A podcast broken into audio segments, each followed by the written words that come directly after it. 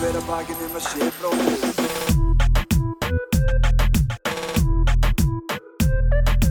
Fyrir hver að bakinn um að sé bróðir eigi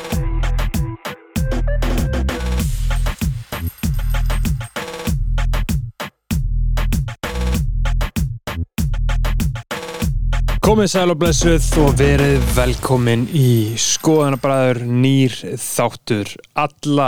Föstu þetta síðast liðin þrjú ár, cirka þrjú ár og eitthvað kling. Við keirum þetta shit áfram inn á Patreon, patreon.com skástrík skoðanabræður. Annarkver þáttur er bara þar inni, þessi er ekki þar.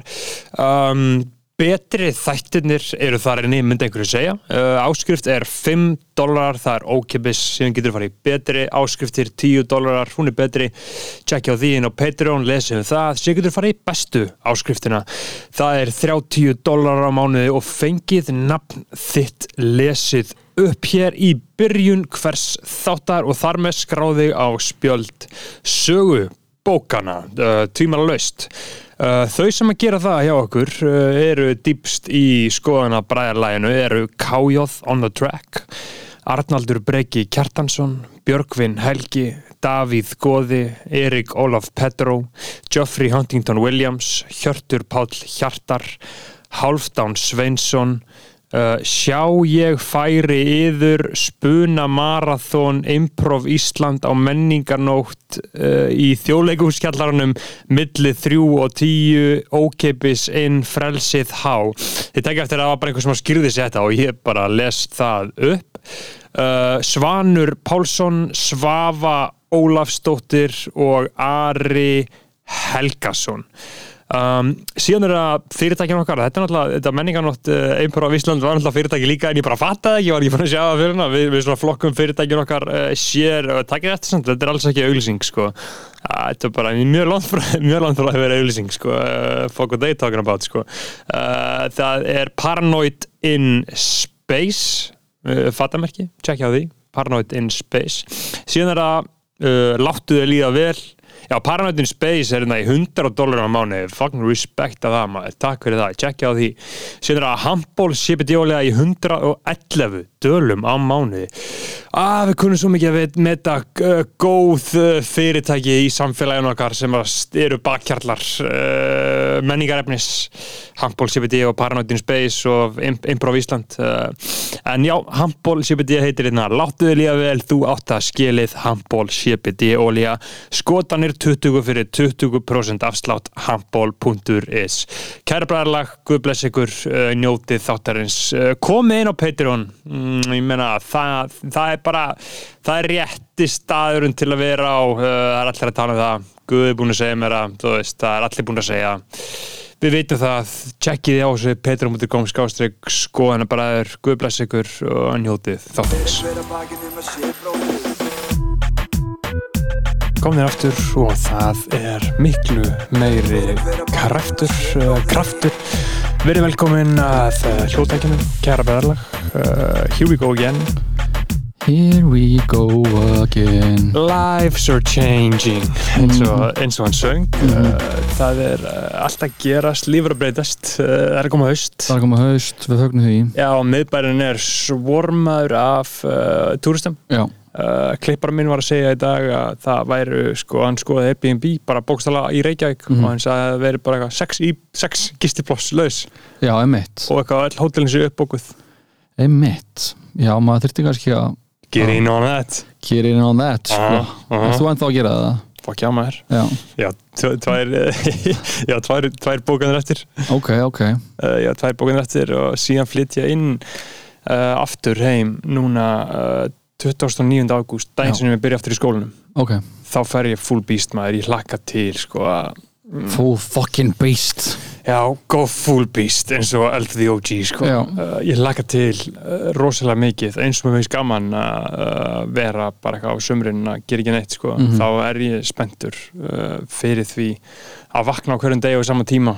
Og þú veist Segja, segja ekki góða helgi. Nei, segja bara góðan daginn. Skilur, segja bara hei, góðan daginn skilur, halda kaffiserimóni á mótnana uh, hugsa jákvætt uh, gera eins og Pall Óskar þegar hann gera það vaknaðar og nöskra og segja já! Hann og gerir það? hann gerir það, hann hefur sagt það í viðtali Já. uh, hann segi já og hann þakka fyrir sig Mhm. mm, og það er eitthvað sem hann mætti gera meira um sko, því ég er að lesa, ég er, ég er að hlusta á ótrúlega bók, uppljómandi bók Ok. ég er kannski tú súnar að tala um hana, ég er ekki búið með hana Nei, nei. en ég ætla að senda hann á því í dag en ég ætla að bíða til að myndi hitta því að segja frá henni en sko, fyrsta veginn og get ég Já. alveg sko, hún heitir uh, The Power of the Subconscious Mind Já, hún er eftir einhvern svona uh, gæja já, og oh my god, gaur ég, það er mjög langt síðan að hlusta á svona upplumandi bók, Ok. sko, þú veist, hann er bókstælega að tala um hann er basically að tala um í þessu sko, að undirmöndunir er allt. Mhm, eins og við vitum, mm Mhm.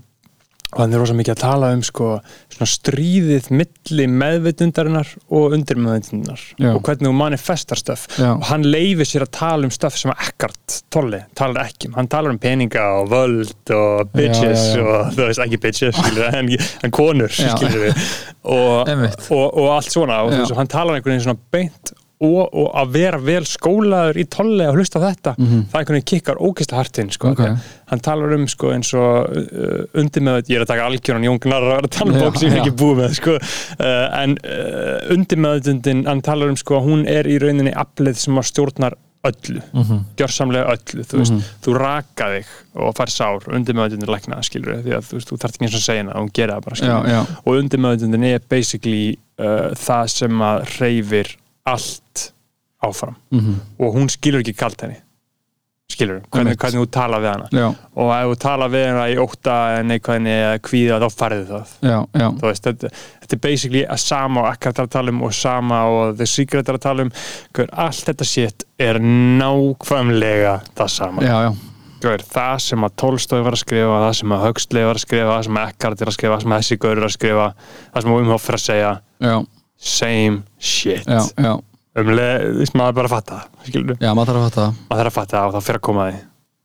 Eitt daginn, einn einn daginn, einn daginn, einn daginn, einn daginn, uh, en já maður, uh, uh, við höfum margt til að tala um, uh, þú veist, uh, hvað er í gangi í samfélaginu? Í samfélaginu, uh, þú veist, ég veit það ekki. Þannig að, þú veist, já, ég veit það ekki. Ég, Gör, þú veist, þetta er bara chillaðir, sko. ég held að sé allir bara freka góði, sko. Í ég segi, ég, ég bara fínt, sko. ég segi bara fínt. Uh, ég var að keira út á landi uh, um daginn, maður er orðin svo fucking uh, geðveikur, eða geðheill, hvernig, maður vill, hvernig maður vill túlka það, sko. Já. ég var að keira út á landi um í bíl og, sem að er ekki með auks eða bluetooth og þá, þá maður að hlusta á útvarpið Já, uh, og þá hlusta maður á rásett og maður hlusta á uh, sjöfréttir Já. Og við varum að hlusta á rúf sagt, uh, við varum að hlusta á það sem að ríkisvotnin okkar vill að við vitum. Já, skilur, við vorum að hlusta á uh, áróður bara upplugasta áróðustæki ríkisvotnin okkar bara, svona, bara the best they got Mhm. Skilur, það var bara einhver snillingur sem fattaði bara þessu. Uh, hvernig þú stjórnar fólkinu og, og lætið allt hugsa einn skilur Mhm. bara RÚF og BBC og allt þetta. Mhm, þú veist, bandaríkin er ekki eins og með þetta þau eru með NPR, skilur og það er, ég veit ekki eins og hvort að það sé state funded sko, mm, nei, ég veit það heldur ekki.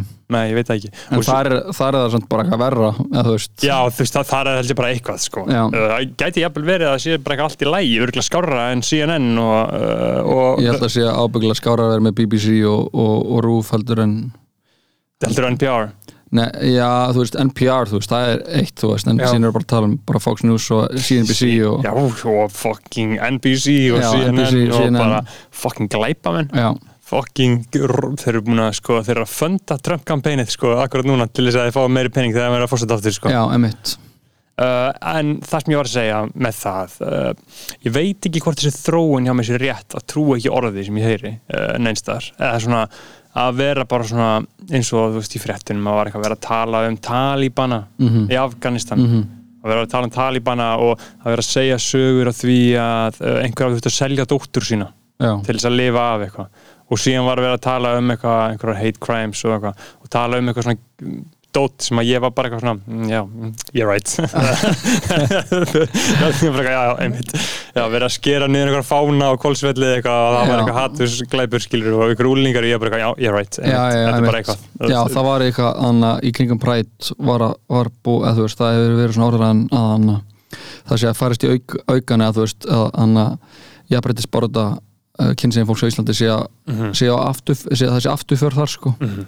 uh, anna, og eitthvað svona uh, fjöldi dæma um það sko Einmitt. Ég geng nú ekki svo langt að ræja það ég, Nei, ég ég, að ég, segi það ekki sko, en ég var bara að hlusta þessu frétt og hugsa bara, já, einmitt uh, þú veist, þú eru bara að segja þetta Já, já. veist, ég held nú að, anna, maður þurfi nú að, að, að hafa smá eitthvað svona, eitthvað svona smá grundallar trú á, á fólki almennt sko, einmitt. og hann að geta þá uh, bara eins og fréttastofan á rúf þú veist, ég held að þetta sé að megnu til bara fólk sem er að, að segja fréttir. Já, að segja fréttir bara to, the, to the best of their knowledge sko. Já, það, það er alveg rétt sko. Og- að, en, en síðan er ég bara að tala við kokka á hóteli og hann segir mér eitthvað og ég er bara, já, já, já, hann, segir mér að hann var að segja mér, hann býr í bandaríkinum hann var að segja mér að, að séu uh, hann segi, hann sagði eitt svolítið gott sko, hann sagði að ég var að spyrja hann uh, hvað það var ekki borgarastyrjöld sko eins og uh, hvað það var ekki köld sko það er borgarastyrjöld í gangi í bandaríkinum og hún er bara köld akkur núna hann sagði, já, köld, nei, ég veit það nú ekki ég held að uh, allstaðar í mannkynnsugunni á landi það sem að 30.000 manns eru skotnir til bana á hverju ári mm. -hmm. myndi kalla það borgarastyrjöld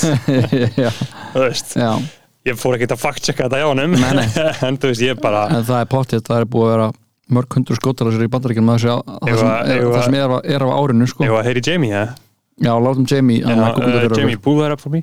Uh, how many uh, deaths from shooting USA 2021? Uh, what the data Þeir náttúrulega að gera þetta erfitt fyrir mann sko, Já, já, já, þú já. finnur þetta ekki í einu googli sko. Nei, hann hann hann er, þú ert búin að horfa á Heyrðu, rehearsal heyrðu, byrju Gaur 2020 þá dói 45.000 manns mm þá dói 45.000 mann from gun-related in injuries in the US já. Nefnir það er bara skotar á sér hann bara þriðja hver dag. Já, ok. þetta er gersamlega gersamlega brotið Já, reyndar er 54% SM uh, já, hann Já, þú veist, það, það, það er samt gun violence já, skilurðu? það er það. Bá, samt pælið á, hvað eru margir að fucking klokka sig? Já, með bara með bara eitthvað byssu sem ég kiftu Já, byssu frændaðins bara eitthvað, wow maður 45.000 manns árið 2020 googlaði hann að hvað er mörg uh, mass shootings á 22 uh, Pull that up Jamie, how, up, many, Jamie. how many mass shootings? 2002 mm Gauir, over uh, já, 13 á viku. Já. 13 á viku, allt 2020 já Pal, paldi í þessu, ah. þetta er ekkert kalt. Nei, þetta er kallt þetta er, þetta er ekki heitt. kallt og Sleepy er ekkert að tala um þetta? Nei, nei, þetta- ég held að þetta sé búið að vera svona, veist, þetta er búið að vera bara svona grassera, þú veist, bara að fara upp eins og statsin í LeBron bara síðustu ár. Já, uh, og við erum með Sleepy í kvítahúsinu Já, ég meina, það er bara N NRA, hann, hann Andrew Callahan fór um daginn á uh, Channel 5 News, fór á hann NRA, eitthvað svona conference. Mhm. Bara í kjölfur á eitthvað svona massíf það sem var að fara inn í grunnskóla og bara skotin eitthvað börn Einmitt. Og Já, þá- þá... í, Texas Já. og myndbandi á löggunum fyrir Já. utan voru, þau voru bara eitthvað að fucking chilla og hlæja Já, og meðan það var bara shooter bara skjóta börn Já. bara börn í grunnskólaaldri Já. mm. og hann fór hann Andrew Callahan sem ég mæli með að checka á hann líka Patreon, hann, hann er með premium content þar sko. mm -hmm. eða content, ég get ekki þetta orð hann, mm Mhm. uh, hann er með góður umfyllanir Já. Og, uh, og það var bara að spyrja bara, í, í ljósi þessa, þessa nýliðina atbyrða, finnst þér ekkert að það þurfa endur skoða það? Bara, nei, það er bara kennarinn þurfa að vera strapped, Já. krakkarinn eiga að fá að vera strapped Mhm.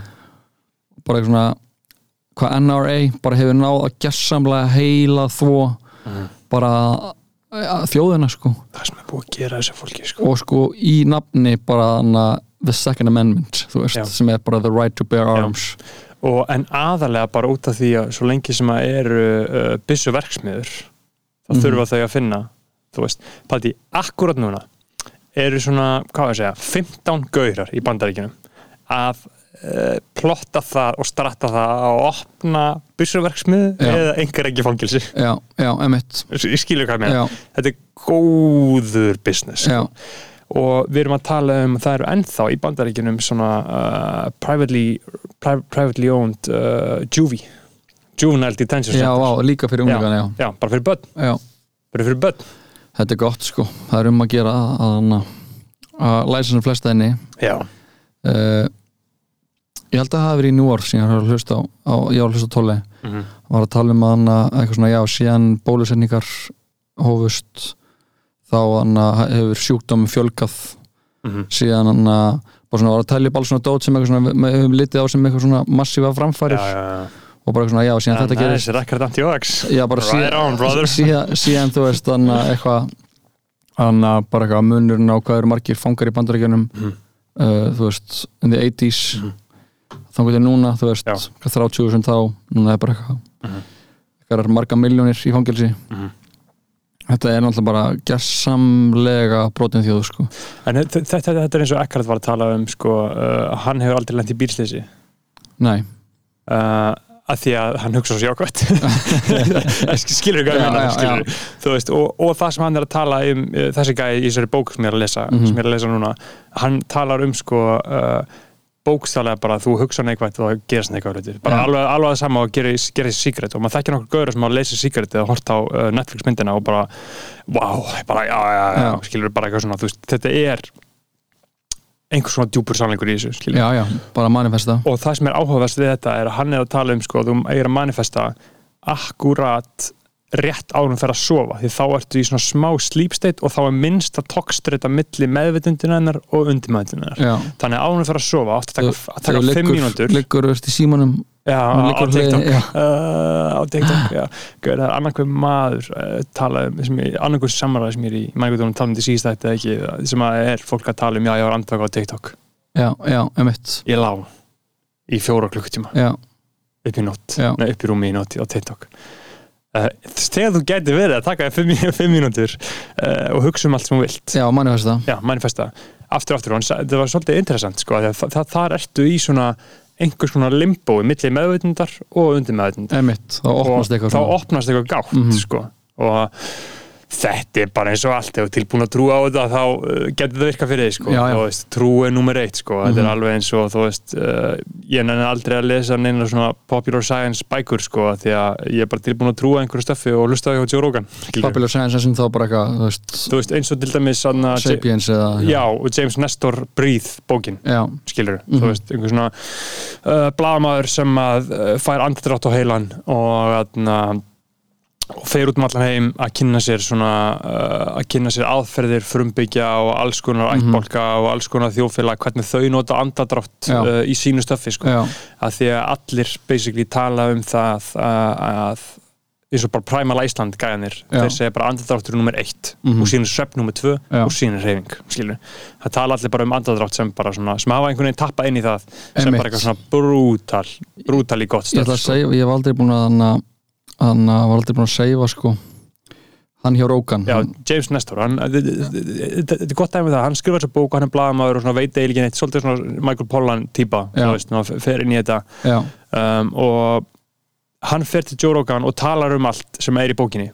Emitt og ég er bara hlusta það tilbúin að trúa já, nákvæmlega. Skilur, skilur, skilur hvað með já, þetta bara er eins og bara hann, hann Why We Sleep, ég hlustaði bara á Já, ég myndi aldrei að lesa Why We Sleep, ég bara hlusta á hann þar og bara Já. já, ég trúir, Já. skilur, akkur á ég eitthvað að vera já, ég farin svo. Já, já, bara ég eh, hættur að draka kaffi, Já. Hæ- hættur á TikTok. Uh, en uh, þá kannski er ég sko að tala veist, ég veit ekki alveg hverju ég trúi þessu en ég trúi ekki fréttum, veist, það er einhver svona, veist, það er eitthvað svona agenda eitthvað já, svona það er líka bara eitthvað í þér sem þú veist finnst þú eitthvað svona þurfa að skipta því að þú svona segir bara þetta er svona og þetta er svona já, einmitt. Uh, og ég líka sé ástæðan af hverju ég skildi nokkuð fjalla svo fokkin mikið af anti-vax, já, skilur, já, þú horfir á samfélagið já, hvernig öllum líður já, hvað allir gera, hvað öllum finnst verðmætt, hvað allir trúa á og síðan horfir á hvað er að láta þau vera svona. Emitt uh, ég er ekkert að segja það sé rúf, skilur nei, nei, nei, uh, en rúf er ekkert að snúa er ekkert að tala gegn þessu nei, emitt, það er ríkjandi, ríkjandi við með þar. Já, þú veist það er ekkert að tala gegn því að uh, allir séu að nauðga og berja og séu bara fokkin verkjaðir á hverjum einhvers degi, skilur þess vegna skilja menn eins og minn mann en fjalar Já. sem að fór anti-vax, Mhm. skilur bara út af því að ég er, að- ég er að gera honum upp núna eins og ég held, held að hann hafi séð þetta. Bara gauður sem er búin að með heilsu og heilunum í tíu ár og síðan er allt hennu bara geðveitir ríkjandi herðu, allir þurfa að láta sprauta sig með þessari 5G súrmjólk. Já, já, já. allir þurfa að gera og Já. þá var þú svona, hm, já, hvernig þið eru operið þarna, ég er ekki alveg að tekka á því. Já, bara Og að vera, já, og, og treysta sko eigin sannfæringu. Það er náttúrulega það, það er náttúrulega það erfiða við uh, svona fjölmiðla. Mhm. anna, hérna frjálslindu fjölmiðla er anna að það er svo, verður, verður svo, stór krafa og allir þurfa einhvern veginn að- að ganga um Mhm. undir sama hattin sko. já, já, já. og það er svona lít, lítið sveigurum fyrir eitthvað svona eins og bara þetta til Já, næs já. veist, Og- með, og- með og- bóluefni bara eitthvað svona ég var að tala um þetta í morgun bara eitthvað já, anna, eitthvað grínast með 20. Ból, bólusetninguna þú veist, ef við höldum bara áfram að fá bólusetningar já, já, bara kottum með þetta meira, bara Pfizer CEO já, ég held ég að þau eru sex Já, en þú veist, bara eitthvað svona anna, eitthvað, það fengu allir COVID, það eru það eiginlega allir eða þú veist, það eru mjög margir veikir það voru svo allir með fjóra Mhm. Já. og samt var þetta bara svona, já anna, Mhm. bara eitthvað það dæmi maður eitthvað svona, og, og það er ekkert, við höfum ekkert rætt það Nei, eða, ég sem samfélag og því við viljum ekkert eitthvað svona, Mhm. að því við þú veist þetta kollektiv, anna, vill ekkert það er ekkert mikið eitthvað svona herrið þetta sem vorum að pæla annan daginn, það er ekki rétt veist, það er Mhm. Frekar bara að trukka áfram og einmitt, einmitt Gaur, það er geggjað að anti-vaxxers came on top, sko. Án gríns, þeir Þeir, gera þeir það gerðu það, sko. Já. Þeir, þeir gerðu það, þetta gerði ekki neitt fyrir neitt, sko. Nei, nema náttúrulega eitthvað svona lið sem var eitthvað svona massíft eitthvað stær í bandaríkjunum sem var alltaf eitthvað fréttir að koma eitthvað fólki sem var eitthvað massíft anti-vax og síðan bara eitthvað fekk COVID og dó Já, sko. já, það, þú veist, það hefði bara dáið í bílslýsi, með plan fyrir þau, já, já, það, hef, það var búið að manifesta Já. að það myndi degja ábyggjur Já, eitthvað sem er sko. þa- það er þannig en, en það er þetta með sko að, uh, að bænda ekki á eins og til dæmis ég var að tala um á rúf við erum að tala um að þetta er bara fréttamenn sem eru bara að gera sitt prógram skilur Mhm. og segja frá einhverjum síslum og eitthvað já, svona. bara hver að bjóða sér fram sem fórsit Já. eða bara bæjastjóra og hver að gera því Já, bara hvað er frétt í svampinu Já, bara hvað er frétt í þessi, þetta er bara eitthvað svona. Uh, og það er hægt að sko að yfirfæra það að eins og Chomsky talar um í uh, Manufacturing Consent og Understanding Power þá talar hann um, þá er þetta uh, keirt áfram for profit allir fjölmiðlar í bandaríkjum er keirir áfram til að græða. Já. ég held það er ekki málið á Íslandi nema morgunblæðið og árvakur og það, það, það er operation til þess að uh, gera fólk uh, hotlar á útgerðinni skilur, það Já, er bara já. mjög augljóst. Já, og, og Uh, þeir eru líka að tapa Já, þeir tapa, þú veist, það er mjög augljóst bara billionaires deal and decades, skilur Já, en þeir hafi ekki ná, náð að ráða neitt í vinnu sem að skilu kultúr og getur tappað inn í eitthvað Nei, og ná, ná til fólks á Nei, einhvern það hátt var bara binni löfið Já, þú veist, eins og, eins og sín uh, yfirmennir okkar hafa, gert, skilur Já, já. og það er aðeins svona víðara og svona uh, breyðari eigandahópur, Mhm. skilur ég skil ekkert alveg hvað þeir vilja, skilur það er bara einhver fjárfestar og vilja pening, skilur og Já, það er að maximæsa profit sem er náttúrulega aðalatrið en síðan held ég að sé líka alveg líka fólk, að þú veist, fólki, businessfólki sem er með einhverja hugmyndir um hvað þannig að um einhver svona einhvers konar skildur gagvart samfélaginu Já, það er einhver prinsip Já, fólk sem er með einhverja svona hugmyndir um hvernig á okkar vera að gera og, þú veist, og, og hver þau eru, hverju sinni þú veist, er náttúrulega bara eitthvað eins og allt er, þú veist, bara mismunandi, þú veist. En, og rúfin náttúrulega definitíli ekki þannig að þú veist, reikið til gróða.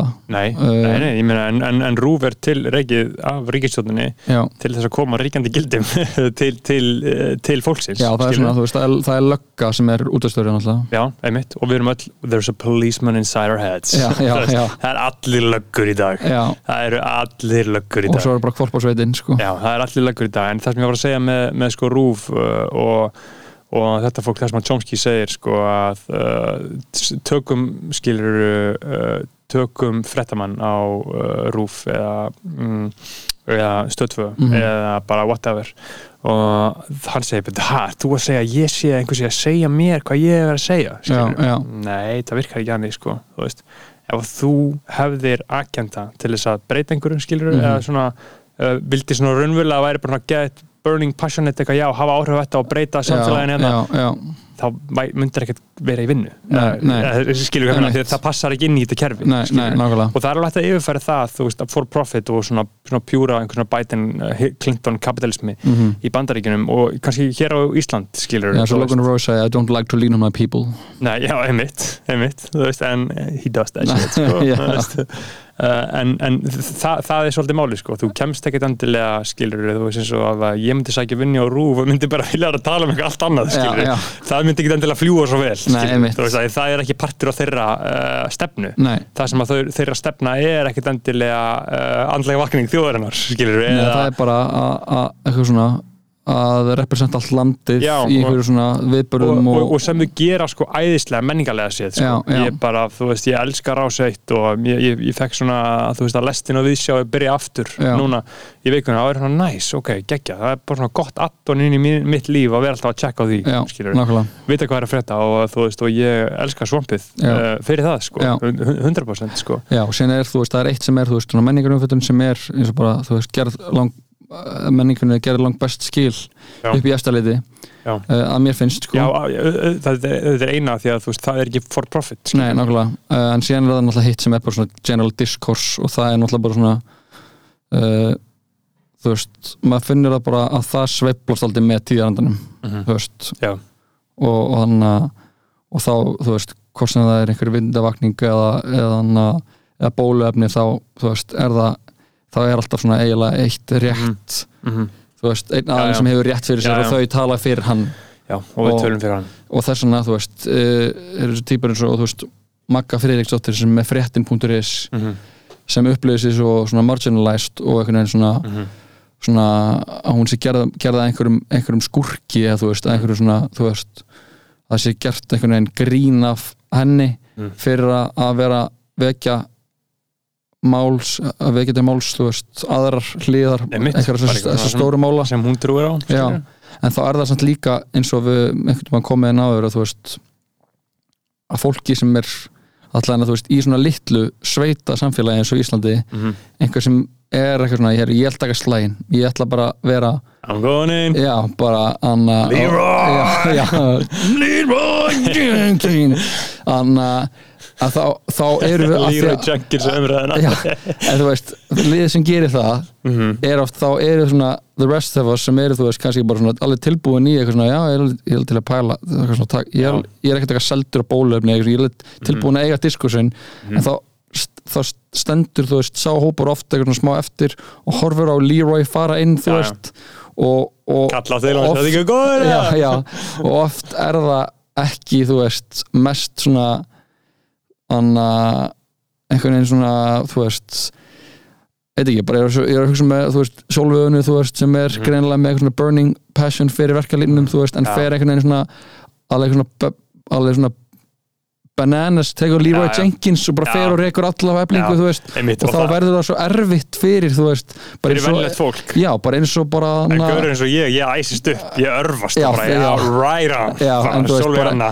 eins og hann að gaurinn hann að Örvar Geir sem alltaf umræðan Já. um cannabis þú veist maður, og hann, hann að hann, hann gerði ekki gott fyrir Free the Weed Nei, hann gerði ekki, þú veist, og Magga Freyristóttir gerði ekkert gott heldur fyrir, þú veist, umræðina í hann að máluminu innflytenda eða, veist, Mhm. eða, eða bólefni eða hva- hvað sem það var, þú veist, Mhm. af því að það, það er svona, þú veist, maður þarf að vera með, að, þú veist, svampi er með svo gott PR, þú veist, er, þú ert með svo, þau eru svo úthugsuð og svo, Já. þú veist, það er bara fólk sem bara veit hvernig á að koma þessu dóti frá, og sko. það er svo létt að ráta gæsla sig sko. Það er svo létt að gera það er, svo næs að vera hérna í eilstofu þú veist, já ok, hvað ætlar að segja bró, ég er ekki svona Twitter eða Instagram þú veist, þú nærið ekki til mín Nei, nei. Það er ekkert mótsvar skilur. Einmitt.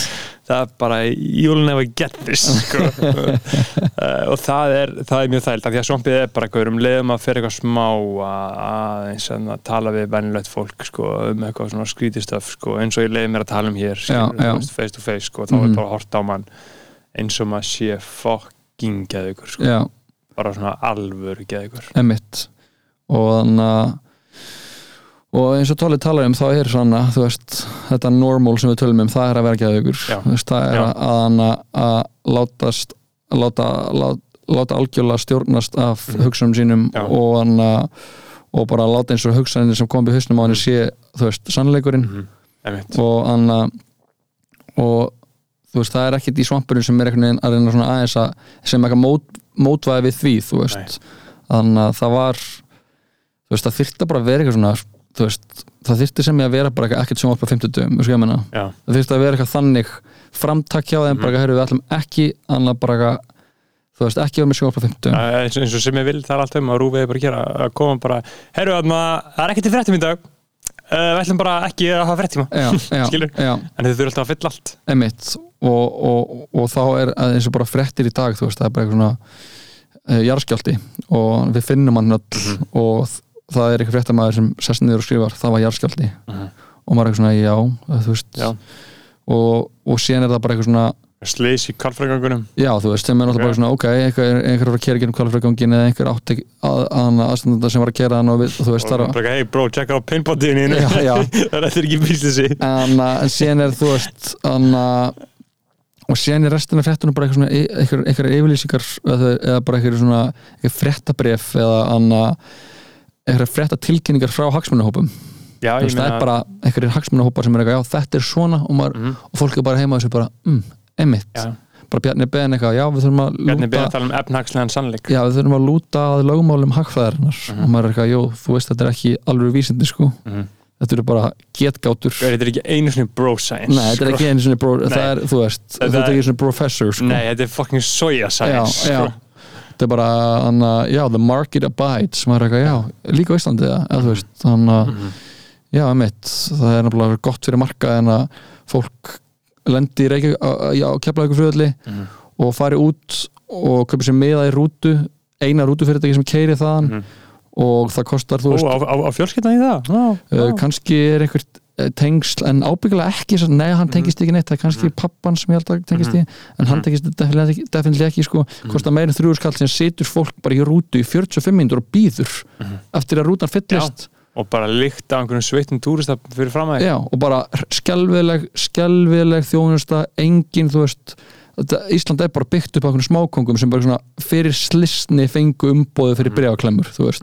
Það er bara, það er ekkert eitthvað svona það er ekkert eins og í bandarækjunum er allan að þú veist þar er lagt mjög mikið upp úr þar sem þú veist markarinn á að og bæt, þú veist, og þ þar hefur nýfrálsíkjan alveg riðið feitum hesti síðustu ár og, Já. og, og mætti alveg að segja það er rauk sem mætti færa fyrir því að hún sé búin að, þú veist, kollvarpa þjóðinni, þú veist en þar hefur allan að þjónustan alltaf verið nr. 1, 2 og 3, þú veist og bandarækinn eru byggð upp á entrepreneurial spirit sko. Já. Þú veist, þau komu að flýja England uh, vissulega eitthvað að hella þar en allt er byggt upp á stríðsrekstri skilur að þetta allt snýrist um það að vera að stoppa England skilur Mhm. að drepa indjánana og, og ekki vera tekin yfir Englandi aftur uh, og síðan er eins og Jesse Armstrong sem er kreatorinn á uh, Succession talaði um á svona setningin sem að inspirera alla seríuna sko, er Mhm. bara frá því að Amerika var landnumið bara in America every day uh, families rise and fall. Já, já, þú veist, bara eitthvað kemst í eitthvað big money Já. og síðan aftur. Sem að virði svolítið vera að breytast uh, frá því sem að sér, það er mjög erfitt að amerísku draumurinn er döður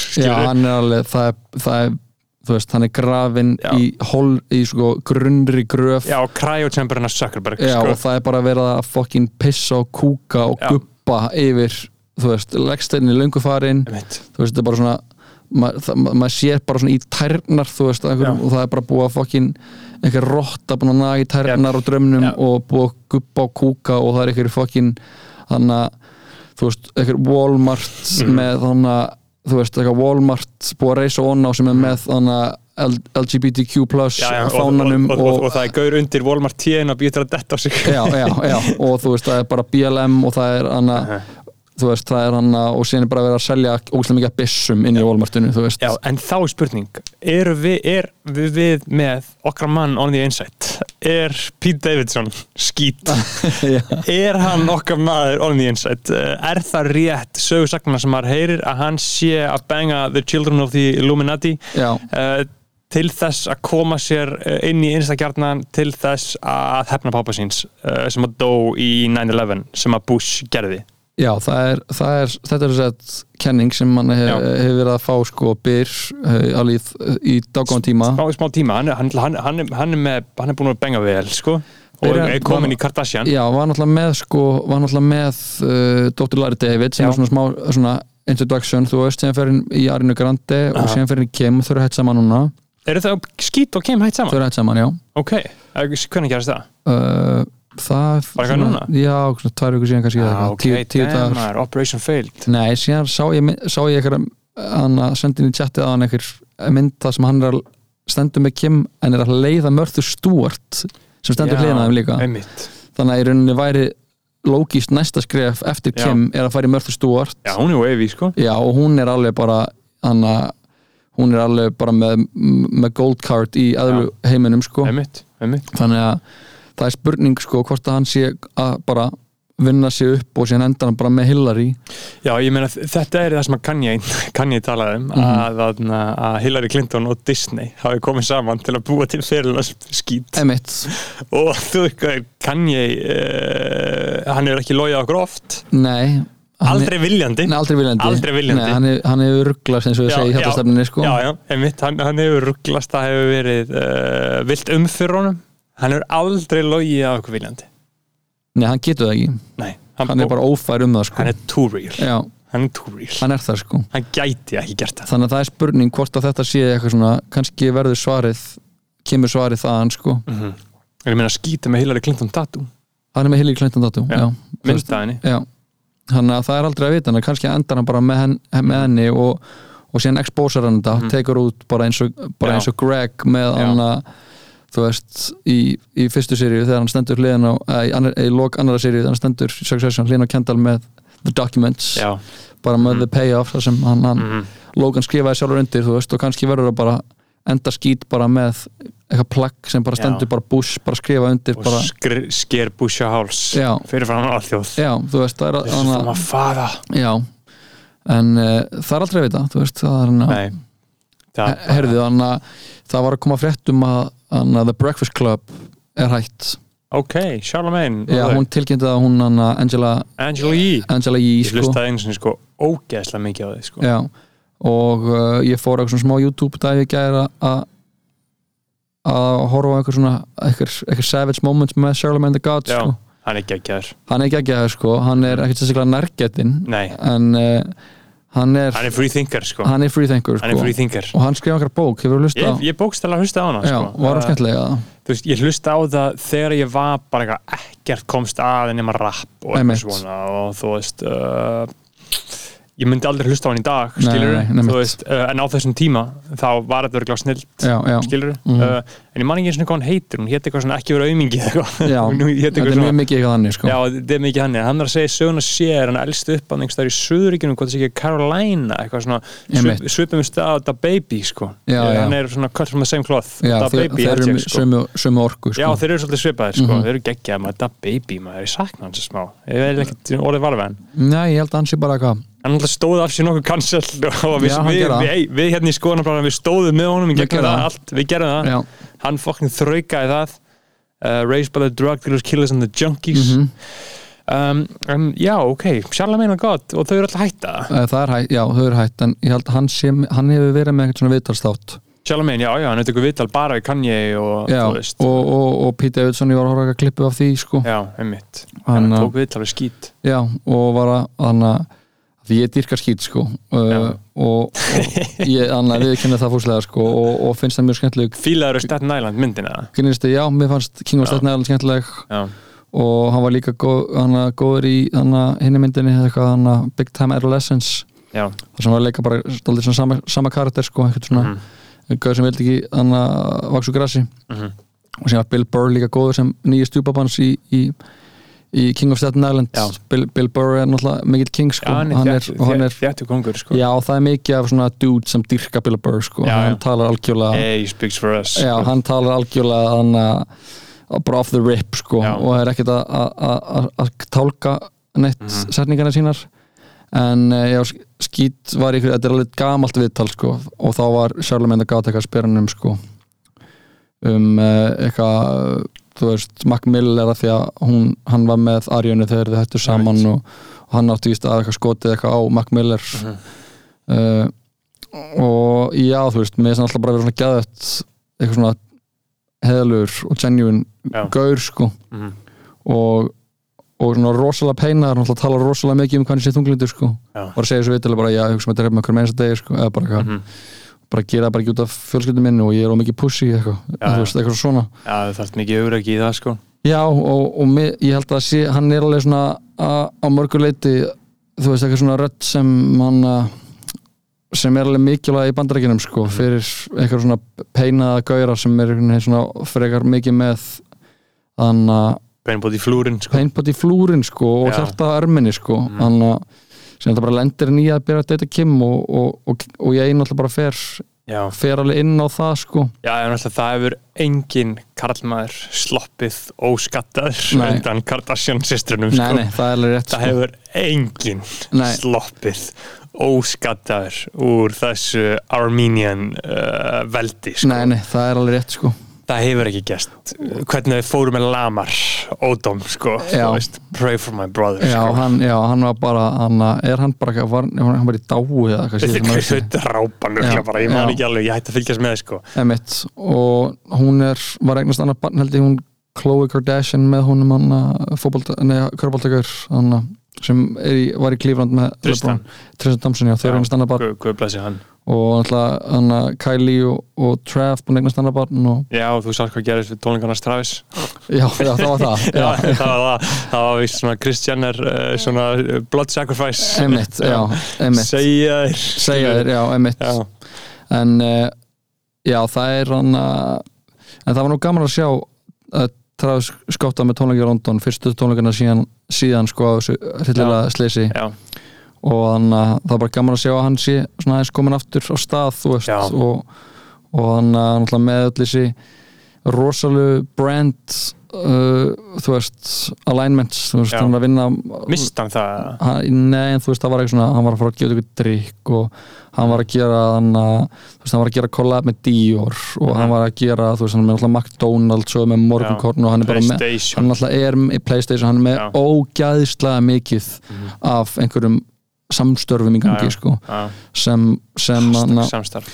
Já, sem sko uh, ekkert allir komast upp með, þú veist, og get, getur orðið getur orðið svona ákveðnum listamönnum að falli Já, hann, hann er náttúrulega svolítið anomaly sko, upp á það að gera, hvernig hann verð, varð vinsæll sko, en samt eigilega sko, þróaði bara sinn stíl áfram og áfram og áfram, áfram. Breytti aldrei um kurs Nei, eigilega nei, sko.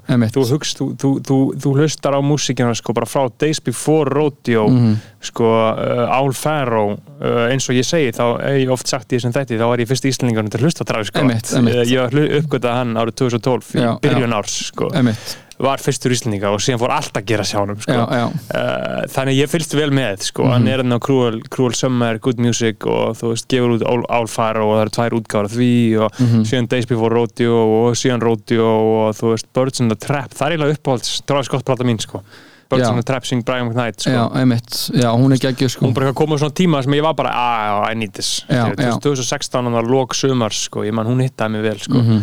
uh, en og síðan gefur hún út uh, Astroworld og bara algjörlega springur út verður bara vinsast tónlistamæri í heimi. Já, en er eiginlega alltaf að gera saman gegnum þetta allt. Já, en það sem, meina? já, en það sem, að, það sem hann sko nær er náttúrulega þetta þú veist, hann tappar inn í Kid Cudi peinið sem hann, veist, te- tengir mest við uppáhaldsastistan hans sem er, þú veist, The Rage Já, og bara óhamingja og Painbody Mhm. og síðan er hann svona rosalegur bara performer. Já, og ég held að það sé það sem gera hann svona ógæsta stórun í já, bandarækjum já, sko. Já, Já. og bara fólk á mæti tónleiki og fucking trillast, Já. þú veist það gerði við pottið tenginguna sko. Já.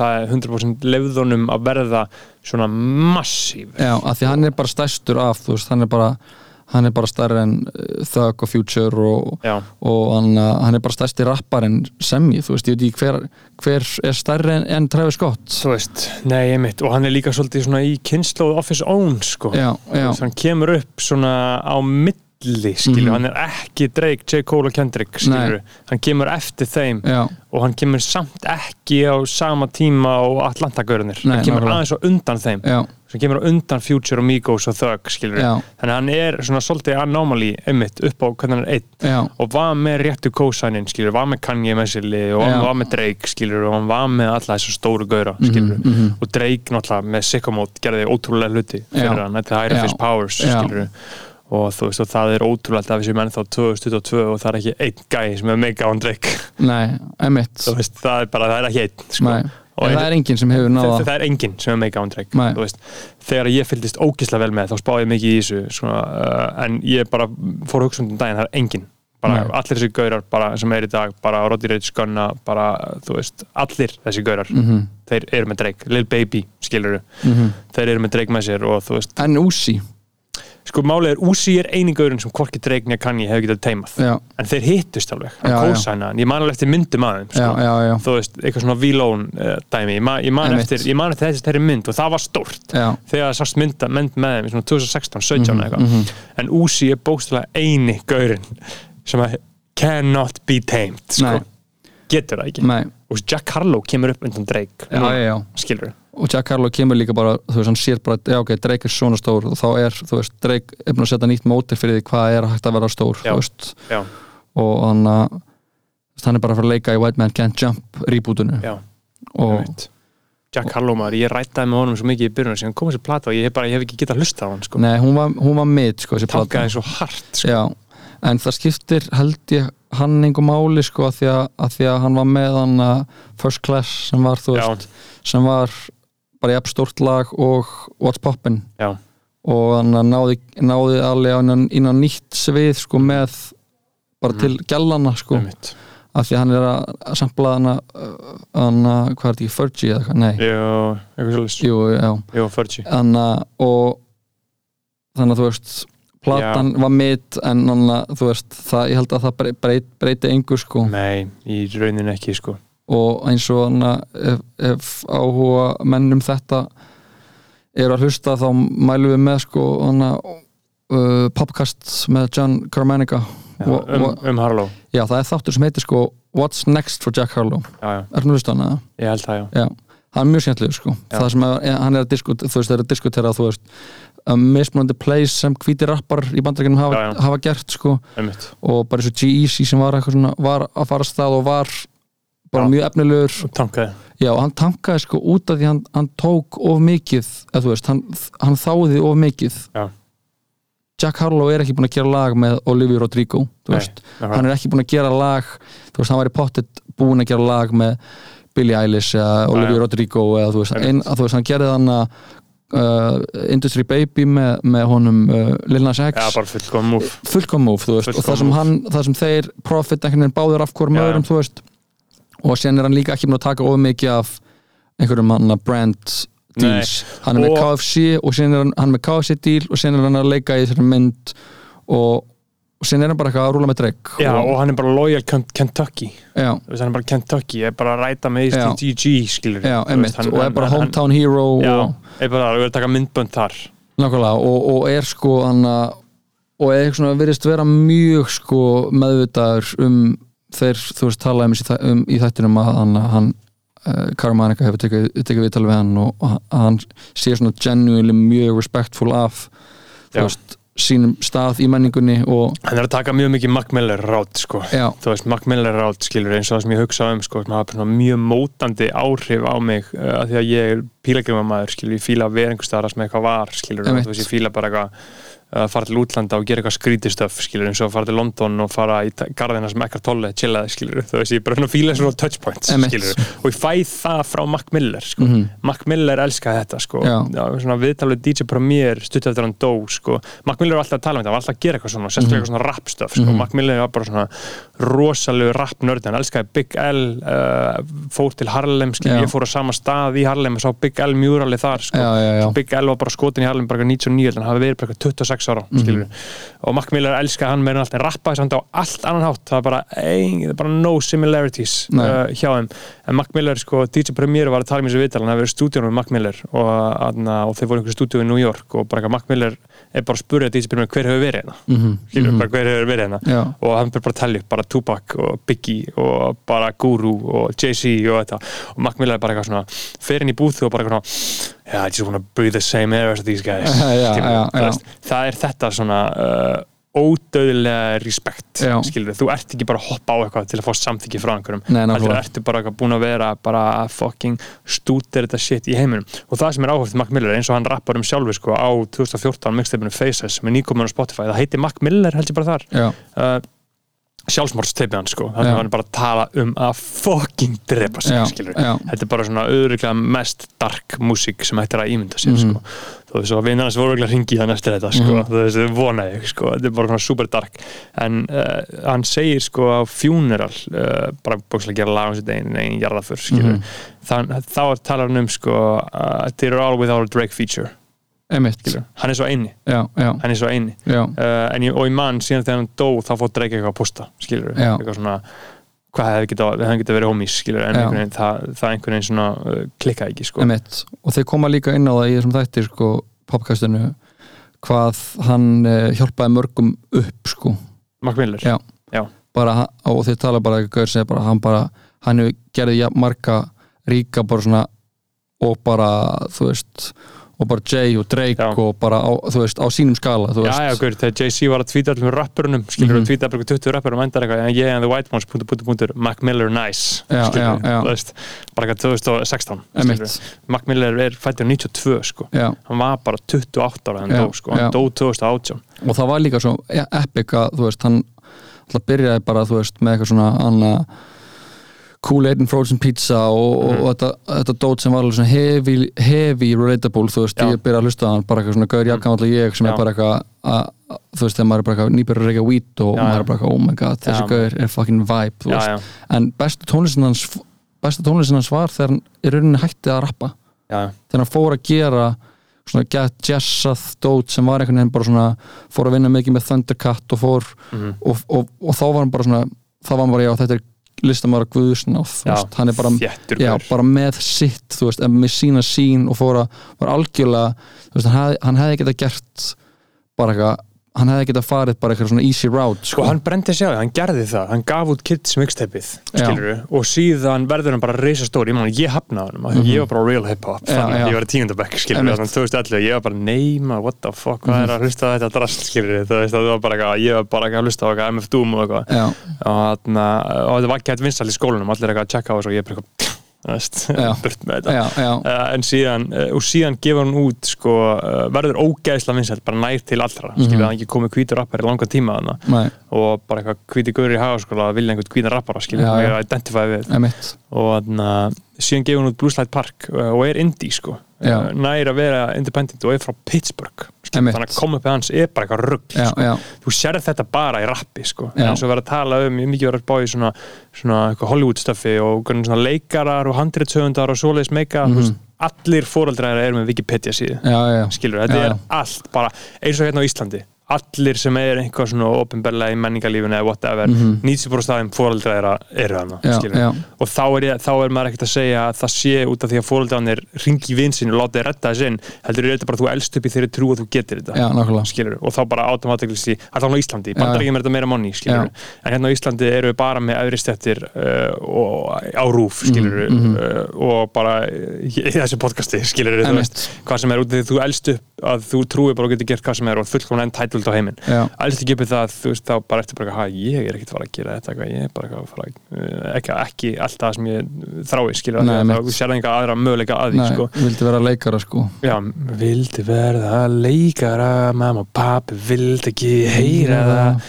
Tjekkja á kitta, maður, það er fucking Þetta er upp á slæmynda blöðunars Já, síðan er það, þú veist, síðan, síðan kemur fólk bara, hana, ég tala um þau Lói Björk, þú veist, um Mhm. ég, það er ekkert í kringum mig sem, mm sem einhvern veginn bendi til þess að ég ætti að vera eitthvað að vinna í einhverju menningu ég þú veist, eða leik, þú veist, fara í leik eða allá í, þú veist, -hmm. og alltaf móli líka, þú veist, Já. bara og þannig að það alveg, var alveg gott þegar, þú veist, ég átti samtölu við þau bæði, þú veist, það er, maður þarf alveg það er gott að checka, þú veist, the privilege check, check your privilege Já, og þannig að en já, þetta gerist náttúrulega big time í rapp og síðan maður Já. líka, þú veist, bara í dag þú veist, uh, eitthvað svona fyrirsætur og eitthvað svona DJs og eitthvað svona it crowd bara, þú veist, Já, fólk sem hefur tíma. Fólk sem hefur tíma, sem sko. tíma. Uh, og þú veist þess að fjallar meirluti rap tónlistar um þetta. Já, já.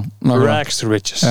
Lægi með Rod Wave og Lil Baby. Mhm, þú veist, það er náði bara einhver svona ultimate kjörnin á þessu skilur, ég bara þú veist, uh, áttu að vera döður, áttu að vera í fangelsi. Mhm allt í einu meika og what the fuck skilur, Hann var ekki út plötuð, ekki, Rod Wave Rod Wave, ég veit það ekki. Ég það, ég hef sko. aldrei hlusta neitt sko á almenna plötu hjá honum sko. Nei, það var sko, kom daginn uh, hann að en ég elska þetta lag sko. Já, það kom, ég sko, ég, ég, ég, ég fíla hann sko, hann er með svo geggja, hann er gegg, geggja söngvari sko. Og, og það var eitthvað svona klippa af uh, viðtalið sem hann var við hann það er svona Spotify Rap Caviar gauður sem er alltaf að taka viðtölu núna Mhm. sem t- tekur bara frekar dísent viðtölu var að taka hann við, tala við, við Jack þegar hann var hann að Kendrick Isma Hebrew- Hebrew brother. He- Hebrew, hann, is, Hebrew Israeli he Gemini, he, we, me Gemini þannig að og hann var að tala við Rod Wave Mhm. þar sem Rod Wave var að uh, segja þess að hann hefði uh, tekið vers á, á hann að hvað hann að eitthvað freestyle á Drake, Lemon Pepper freestyle eða eitthvað, ég held að það hafa verið því. Hann hefði tekið upp vers á það og síðan satt bara við hann bara, jó, hann að taktu mig af. Ég vil ekki, hann að, þetta er ekki, ég er ekki hann að þú veist, ég er ekki að bringa það sem ég vil bringa á þetta lag þú veist, og að segja bara ég, bara, eitthvað, ég þurfti að gera það og ég vona að hann bara respekta og, og, og dreig kommenta og bara eitthvað gaur, bara eitthvað þetta, er- er artistry að gera þetta, að treysta svona sjálfa þig. Já. að þú getur sagt bara eitthvað þú veist, að því að eitthvað, lið, þú veist, eitthvað ég hefði koma inn á, á, dreiglag þú veist, Já, segja allir já sko. Já, saman hvað. Og, og af því að það er bara þú veist, það er bara leiðin, Já. leiðin inn sko, ennþá. Ennþá. Still. Já, og bara Dave, þú veist. Mhm. Já, já, og, og gigs og bara svona þótt að En þessi gæður koma algjörlega úr annari senu þá er það samt, þú veist, þegar þú ert komið með þetta, þú veist, þegar, vegna, þess vegna er Drake svona fucking góður tastemaker já, já, hann veist, hann sko. sá þetta í Dave þegar Já. Dave var 17 ára. já, skilur hvað ég meina? Þú veist, hann, hann remixar Wanna Know árið 2016 Já. sko. hvernig gastu heyrt að þetta væri eitthvað feitt? Emitt hvernig gastu ímyndaðar að Dave er því síðan bara voice of a generation? Bara profit já, bara hvernig gastu vita að hann er því bara einhver ultimate spámaður sem getur komið einhverju rosalega stöfi í orð Já. fimm ára setna já, það er ótrúlega að geta séð þetta sko. það er það, sko. Þú veist, þess vegna er hann still king. Þess vegna er hann það, sko. Still king. Og það er ekkert, virðist ekkert annað verið í sjónmáli sko, ég var alveg, ég var alveg í, þú veist, fyrir svona tveimur árum var ég eitthvað svona, já, þetta hlýtur nú að fara. Já. þetta hlýtur að fara, mm. rennandi í sandin sko.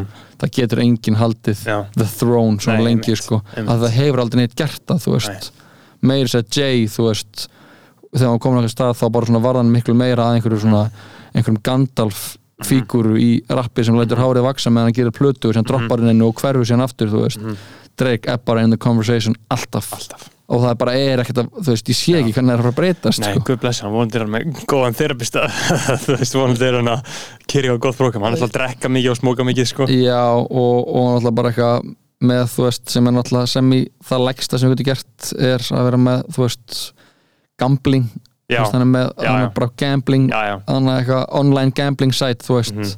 sem er eiginlega svona lægsti samnefnari þú sko. getur alveg sem verið að selja kók fyrir mér sko. Já, já, þú getur það sko veist, það er bara, þetta er, þetta er, er blood money sko. Þetta er það sko þetta er blood money, eitthvað gambling scam stuff sko. Já, bara að láta fólk bara anna spila burt auðaðum sínum bara, eða auðaðum, bara peningum sínum bara, anna, bara þú veist ekki einu sinni sparnaði, fólk er bara gessanlega að eigða öllu sem það á og meira til sko, Já. bara veðsetja húsið. Já, þetta er fyrir það hlustundir sem það ekki að geta eitthvað stake.com, þetta er eitthvað svona betting síða sem að Drake uh, er búin að vera með síðastliðin tvö ára eða eitthvað. Já, og hann er alltaf að setja á Instagram núna, veist, bara eitthvað hann eitthvað spila rúllett á netinu, þú veist maður er bara eitthvað, fuck brother. Mhm. Já, en uh, en já, það, það er gott að fara yfir the state of rap sko og, og setja virðingu á, á nöbb sko. Það Já, er, það, það er það og þú veist að þetta er svo, uh, svo gaman að hafa alist upp með þessum görum eins og ég sé svona, svona top artist svona this month á Mhm. Spotify. Mhm. maður getur kíkt á það eitthvað í prófílinn sinni eitthvað. Þú veist, maður er svo basic hjá mér er þetta alltaf nummer 1 Kanye, nummer 2 Drake, nummer 3 Kendrick skilur, þú veist, og, síðan er eitthvað annað sem að slýsast hér og þar skilur, hvar sér maður þetta? Uh, þú getur ekki séð þetta í Símanum? hérna, þú getur ekki séð þetta í síma Nei, sko. nei, þú, þú getur bara að sé þetta uh, hérna, Bergþór Másson profil já, ég er hérna já, ok, ég með svolítið interessant núna ég með nummer 1 Kendrick, nummer 2 Drake nummer 3 Beatlanir, nummer 4 Future uh, og nummer 5 Kanye nummer 6 Daft Punk Mhm. og síðan Lana Del Rey og Radiohead ég er nýbúin að aukvita það Já, Eh, það er alltaf veist, king shit ég sko. er nýbúin að aukvita, ég hlust á Kid A plötuna, Já, emitt ég fokka mjög hart með henni Já, sko. það er náttúrulega legendary plata sko. Já, því að ég fór bara að hugsa eitthvað Tom York, hann er eitthvað wavy á því. Ég Já, já. þurfti eiginlega að fara að checka á því sko. Já, mena, þú veist, þeir fylltu höllina sko. Uh, á Secret Solstice? Já, Já. þú veist, það var bara það fólk fór bara já. á uh, á sol, sol, solstis til þess að hann Alveg rétt, ég menn því, ég held ég hef ekki farið inn á tónleikana eða eitthvað. Nei, ég, ég fór ekki á það sko uh, en Þetta uh, ég að vera á Solstice en eitthvað að fara að sjá Section Boys eitthvað í Ég var. section Já, eða Smoke Boys eins og það reyta í dag held ég já, já það heita náttúrulega smábús í dag Já. sko. en uh, ég er aðeins ég er að púla upp hérna sjá hvort ég geti séð þetta hérna með, með top artist sko. ég er svona smá smegur um að, að það sé sko þannig að að það sé bara sigga beinteins sko hjá mér núna, að því ég er búin að hlusta á, á Lari Lari Lay einmitt. Það er eitthvað TikTok eitthvað. Uh, já það er alveg svona uh, það er alveg big thing sko að því að hann að því að það fór væral í Brasilíu myndband af sko hann að stuðlabandinu að taka það á kótilettinni Ok, þeir tóku upp svona frekar bara vel hann að pródusera vídeo af sér að taka uh, Lari Lari Lay á lettunni og það var bara fucking lit Mhm. það var bara fucking lit og og var það vinsætlu TikTok fyrir það eða? uh, þetta Eða- er búið að vera held, ég, ég held að þetta sé alveg búið að vera svona smá að byggjast upp sko uh, en máli er þetta eitthvað svona fer væral eitthvað svona, eitthvað svona verður frétt út af því að í Brasilíu er verið að deila sér ekki að mikið að því að þetta er eitthvað gamalt brasilist barnaleg Já, og uh, hana, og síðan væntalega já, eins og Fucking thievery. Já, eins og bara öll íslensk dæguleg eru bara eitthvað ítölsk uh, þú veist, allt þetta með bó og þetta er allt eitthvað ítölsk lög. Fucking colonialism. Já, hana, cultural colonialism, Mhm. colonialism. En uh, og já, síðan verður þetta búin vinsalt og þú veist, ég droppaði þessu átó síðustu helgi ára DJ og það varð allt fucking bananas sko. Mhm, mhm. þetta er bara ég held að þetta sé líka sko bara því að það er búið að vera svona þú veist, þannig að danstónlist er búin að vera on the rise, það er krakkar er einhvern veginn átt að á því og það er alltaf alltaf að fara að Paloma núna og, Mhm. og vilja bara eitthvað annað hoppa, þú veist uh, og þetta lag er náttúrulega að Sigur Beinteins sönguborgar útgáfan er bara eitthvað svona djamlegt, þú veist Já. síðan koma bara einhverjar einhverjar jungle flautur inn í lagið og svona. Mhm. uh, og jú, þetta er eitthvað svona TikTok dæmi og eitthvað, sá eitthvað Ingi Báar gera eitthvað remix og eitthvað algjört annað að- að að kreista klátið út úr eða veist. Það er svo, svo ógislega erfitt held ég að vera alltaf að sko chasea. Chasea annað einhvern veginn, þú veist. Bara I'm so fucking good on that bro. Já, þú veist, einhvern veginn að vera eitthvað chasea, hei, ég ætla að gera remix af þannig að að læra að læra leið, þú veist er svona, jó, það þarf, þurfum ekki að remixa það þú veist, við erum bara með lægið en það er bara plen, plenty good, sko. Þetta er, þetta er eins og na, þú veist, ef maður spurður eitthvað það er því ætla ekki að vera á TikTok? Eitthvað, eitthvað náti krakkara mm bara eitthvað, þú veist, neymaður ekki séns, já, hvað sagði Jésu? já, Let the children come to me. Já maður það er sem ég er að segja, já, þegar krakkarnir eru tilbúinir þá koma þeir í eiristofu já, já og, að- og, og, og þetta, fólk verður bara að gera hlutin á sínum einn tíma, sko og maður þarf líka að minna sig á það, sko ég held að verður gott fyrir fyrir fólki að núti sem er einhvern veginn sem er svona hungrað Mhm. Að bara svona minna sig á bara svona það er ekkit stress sko. gangsters move in silence já, sko. bara real cheese sko, like a lasagna sko. gangsters move in silence og þetta er ástæðan af hverju ég er að hætta á Instagram bara í haust, af því að ég þarf að læra þetta. Já, bara byrja á haust og síðan bara, kannski bara ég, finnur að ég ætla að endur sko þetta þegar önnun er búin Já, ég er búin að vera hættur á Instagram núna í tvær vikur.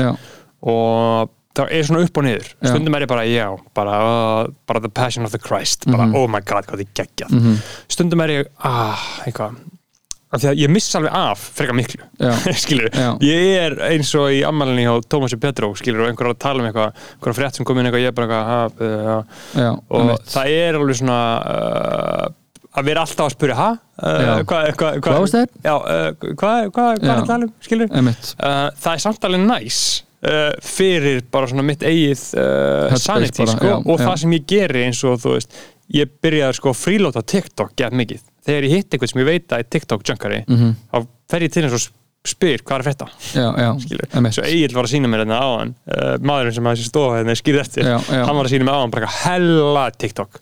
Bara eitthvað álsvona stelpur að fara á djammið og með eitthvað svona djók eitthvað það voru alltaf bara eitthvað að twerka og bara eitthvað uh, drekka einhverju flösku eins og þær séu að veita munnmög eitthvað, þetta var bara eitthvað svona, Íslenskt, já, eitthvað íslenskt, skilur, og þetta er vist eitthvað þing já, skilur, þetta er svona fyrir einhverja reactionaries uh, Já. væri þetta svona mjög slæmt að sjá en ég er Einmitt. karlfeministi og svo stelpur mig að gera hvað sem það vilja Já, já. Uh, en þetta var, þetta var sjokkrandi þetta var sjokkrandi gróft TikTok Já, ok að hugsa að, að það var að sitja þetta út af netið Já, ég, ég er ekki þar sko en þess vegna er mjög gaman fyrir mig að vera bara að lappa á milli og bara hei hvað er fyrir á TikTok Já, já. þá fæ ég það besta sko, það þarf ekki að vera andpaka til fjör að tjekka á því sko Nei, maður en, en það sem ég var að tala um er að ég þarf að læra sko uh, að því ég er farin inn í önnina og þarf að læra það með líkamannum hvernig það er að vera að búa eitthvað til og bara búa það til til þess að búa það til Mhm. bara vera í ferlinu fullkomlega Mhm. hver einasta bara hver einasta klukkutími er snilt útkoman kemur málun ekki við. Nei, nei, nei. Ég er bara í þessu og ég veit alveg að þannig átt að vera að búa stöf til. Já, já. og þú veist þannig eru að búa þetta podcast til og, allt þetta skilur. og maður er svolítið meðvitað um þetta en ég finn bara að það var eitthvað bara fókin, Guð sagði það við mig að ég þyrfti að hætta á Instagram. Já. til að, því að Instagram ítir undir andstæðan af þetta. Það gerir það sko. Instagram ítir undir results núna Já. bara like, uh, react, uh, message. Þú farið instant skilur en það sem ég reyna að læra í haust með því að vera ekki á Instagram og vera ekki á Facebook og vera ekki á Twitter og ekki á TikTok, TikTok, TikTok það er að move in silence. Já, og það er alveg erfitt skilur, Mhm. ég hugsa bara eitthvað, þú veist, ég skil svona örd hjá stelpum, skilur, stundum er ég bara eitthvað sem ég í speklunum, bara eitthvað, damn, að djútil að lúka eitthvað, var gott eitthvað, sína þetta á Instagram Mhm. eða skilur, þú veist, e- eitthvað eit- eitthvað svoleið, skilur, bara, já, ég vildi að ég geti sínt frá þessu, skilur, við Nákvæmlega. erum að flata eða lit, skilur, við erum að erum að búmin, skilur, Já. þú veist uh, það, ég, það, það örds kemur alveg upp mig, skilur, Já, já. en þá þarf maður líka já, þá þarf maður líka að sjá uh, að það er nóg bara að vera á staðanum skilur, og það er partur á þessu ferli. Þetta er ein stór lærdómur sem ég bara finn í hjarta mínu að ég þurfi að taka mhm. í haust. Já, það er bara mjög gott að blessa sko. þú ert líka í listnámi þú veist uh, ég er svona ég er alveg þakkláttur fyrir það að ég var í listnámi þú veist, ég fekk ekki sko ég fekk fyrsta iPhone minn þegar ég var að byrja allavega í sko, Einmitt. bara að byrja í háskólanámi Mhm. ég hafði ekki átt, iPhone þannig að, þú veist nótkun mín á þessum miðlum þegar ég var í listaháskólanum þú veist, á sama stað og þú ert núna í listnámi þú veist, Mhm. Þá var þetta bara svona fullkomlega conceptual þú veist, þá Já, var, já. þá var enga reglu, ég postaði bara snýrist ekki um sjálfsmyndina Nei, nei, ég bara ekki sá hvað þú tók myndu að postaði, þú veist, það var bara, bara, já, Do you bara, ever feel like a plastic bag? já, bara algjörð, ég var bara þar, sko, Mhm. og hann að, og bara svona frjáls, þú veist, Mhm. og ég, ég get alveg trú að ég væri á sama stað núna, þú veist, þá myndi þetta vera eitthvað eh, alveg issue, sko, ég, ég finn líka alveg, ég finn, sko, að, að þú varst að tala um að er að, að, að ég hætta Instagram líka, sem var eitthvað svona, að ég, svona, ég er ekkert eitthvað, veist, það er ekkert aðkallandi hjá Nei, mér, þú veist, ég er bara frekar en að minka það bara. Og þannig að finna alveg að, þú veist, ég er ekki með það í mánuð núna í sumar sem er ég aftur komið með það og ég fenn bara svona, já, ok, þetta er þetta stölu tímanum mínum um leið og ég er eitthvað svona, herri, ég ætla nú að setja niður og eitthvað aðeins að koma Mhm. eitthvað, skrifa eitthvað dót og eitthvað svona.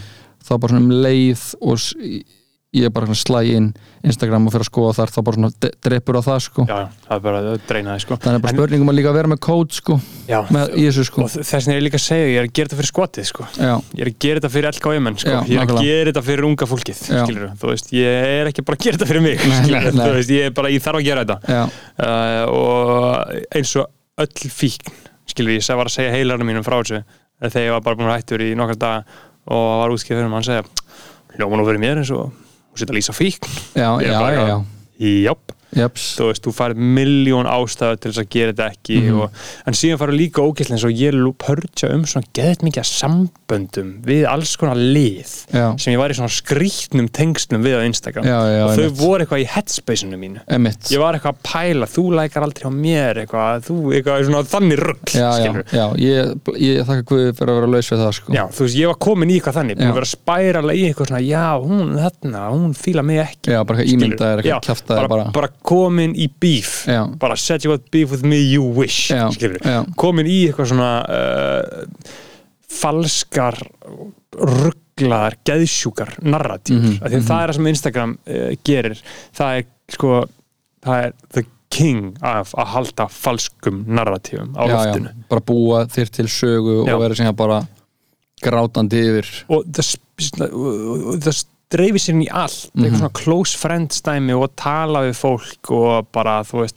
að fá like á story og eitthvað, þú veist, ég veit bara á tímabili það var ég orðin Mhm. Alveg já. fyrir tveim vikum, ég var Mhm. bara já nei uh, ég þarf þetta ekki nei, og núna þarf ég bara að fylgja haustinu sko, Já, já, þú veist, uh, og að því að uh, öll, allt gott sem er skapað það kemur út frá heilum og pjúr stað. Já, það kemur ekki út frá einhver sem þú sást einhver staðar. Nei, nei. Það verður að koma út frá því að þú situr einhver staðar og færð hugmynd. Mhm. og hún kemur upp frá hreitni meðvitund. Já, það er bara, that's known. Mhm. allt það góða í heiminum. Mhm, allt þetta mid drasl Numbing of the Masses, Peasant Poison, Netflix stuff sem er í gangi, já, það er gert út frá, já þessi sagði þetta þarna og við erum að gera eins og þetta emitt og þarna, já, já, ég sagði þetta á TikTok hérna, já, já, þarna, á meðan að bara Michelangelo og fucking Kanye Kendrick, mm Mhm. þú veist það kemur út frá þögn, já, það kemur út frá einhverju tæru, bara Van Gogh skilur já, bara, þú veist að bara hann okkar færasta listafólk. Björk. Oper- já, opereitar á sínum fórsendum, þú veist Já. Björk, alltaf, aldrei að chase neitt, sko. Nei. Bara alltaf að íta áfram alltaf að íta áfram. Mhm. Það er bara, ég er bara hlustlega mikið að Björkundu verið það er bara, Mhm. oh, she did that. Já, bara she did that og bara Já. aftur, oh she Já. did that Já, oh she did that Hef, bara, hefur séð það sko geggjað YouTube mini-doc, eitthvað BBC stöf sem fyrir að heimsækja hann að vinna á Spáni? Ekki 2001 platanar eftir, þú veist, þetta er, er ekki Vespertín eða Post, þetta er heldur platan eftir því, þannig að 2001 þetta er Medulla eða eitthvað, manna ekki alveg.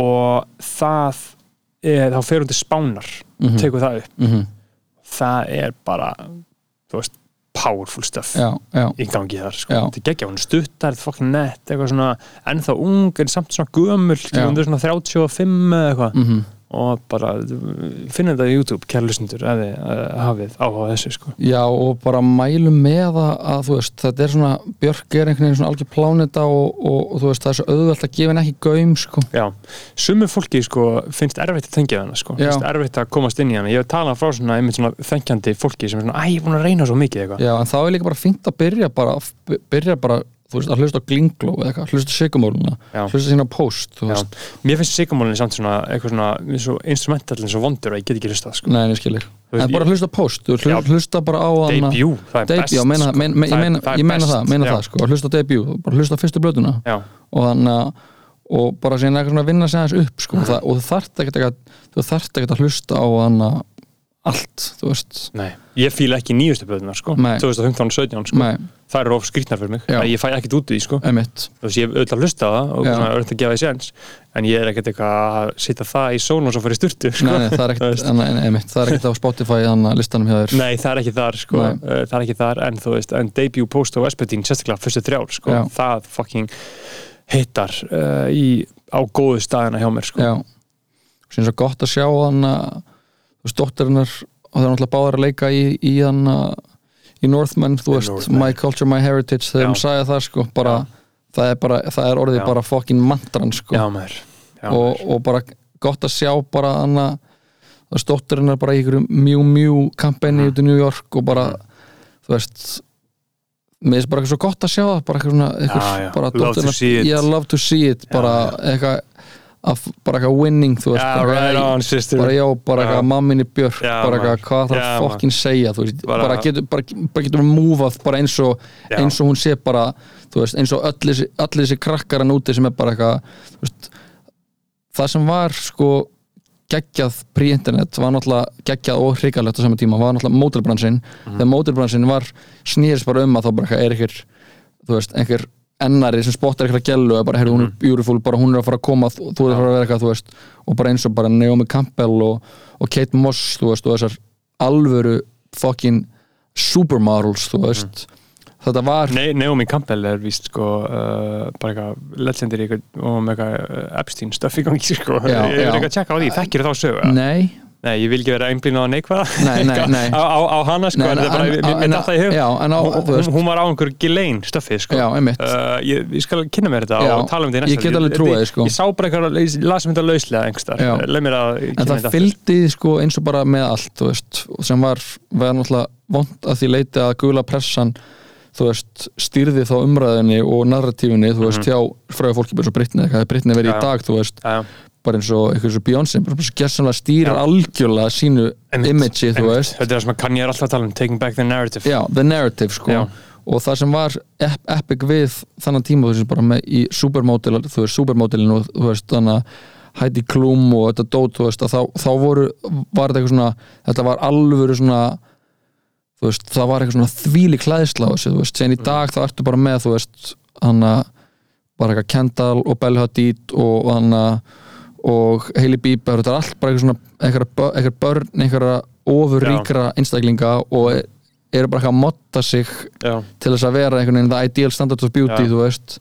Og já það eru bara bróks til að bæja já, þú veist, og það er, það er ekkert, þú veist að ég veit ekki, kannski er ég bara að vera í einhverju nostalgíu, það, það er ekki real sko. Nei, nei, það er ekki real, en, en, sko. en, það, og, og þú veist, og læbóið var alveg að þú veist, þannig að neðan að þú veist þess aðgerði voru aðeins erfiðar í gamla dag aldrei, sko. Já, já, já, einmitt, það var bara einhverja grískar stittur Já, þannig, sko, bara einhver gamall kall með einhvern hamar og fucking spýtu, sko. Já, og líka þá bara eitthvað svona ótrúlega mikið af átrúskunum og, og bara mikið, að þú veist, bara, þetta var alltaf bara skjálfæðalasti bransi til að vera í heiminum, sko. Að vera eitthvað að vera einhver ófyrirsæta og einhver ógæðslega nauðgari sem er eitthvað að segja þur, þurfa að grenna þig. Einhver svona Ghislaine Maxwell típa að segja bara, allar borða þetta allar Já. borða þetta bara, bara Mhm. alltaf svona einmitt. og þannig að það er, jú, vissulega miklu betra kannski eins og þetta er í dag þar sem það er stjórn algjörlega sína í narratífi Mhm. en það sem, En gera það samt þú veist, alveg einhverju leiti þú veist, bara Bella Hadid, þú veist, að tala alltaf um Palestínu, þú veist, Já, það er flott hann það er huge bara eitthvað fyrir, þú það. veist, bara eitthvað bara það sem hann að bara gýðingar í bandaríkjunum hafa gjörsanlega bara að þú veist, við erum ekki að tala um Úkræðinu bara það er bara þjóðarrein sem er gangi Já. á höstubakkanum bara mörg, bara í fucking 20, 30, 40 ár þú veist, Mhm. hvað, í hvað lengi, þú veist Mhm. og það er bara búið að vera bara eitthvað, já, það er Já, sko, 70 ár 70 ár, veist, Mhm. það er bara, og það er bara búið bara, bara í anna þessu landi sem einhvern veginn lætur hljóm, vill láta lítið út fyrir að sé eitthvað svona og standi fyrir mannréttindi og frelsi, Mhm. þú veist, það er bara eitthvað, já, þetta þau, þau er með að gera þetta Mhm. og þannig að, Já, bara hérna Sleepy Joe gefum Úkrænu 40 biljónir dollara. Mm og einn þriðja því hefur skilað sér inn á vývöldin ef ég fengi frá áræðanlegum heimildum. Já, já, sem ég gef ekki upp í þessum þætti. Uh, og það var maður sem var að tala um að Selenski væri með grimma ræpu. Og einn þriðji af þessari hjálp hafi skilað sér. Hitt fer í svartól úgrænskar spillingar. Já.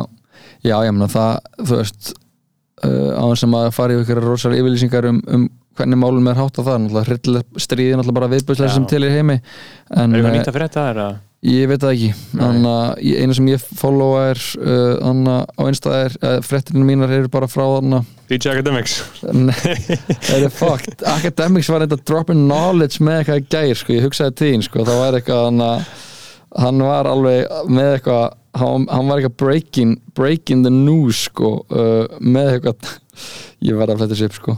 Uh, Nei, ég followa bara eitthvað svona Hermann sem er, hann fór þú veist, á eitthvað rætur reykja til. Já, og er, hann, er núna komin í komin í, held ég, er í, er í haldi. Mm en uh, byrju, það var, hvað var hann var, hann var að droppa ykkur í hellu í gæran akademik sko.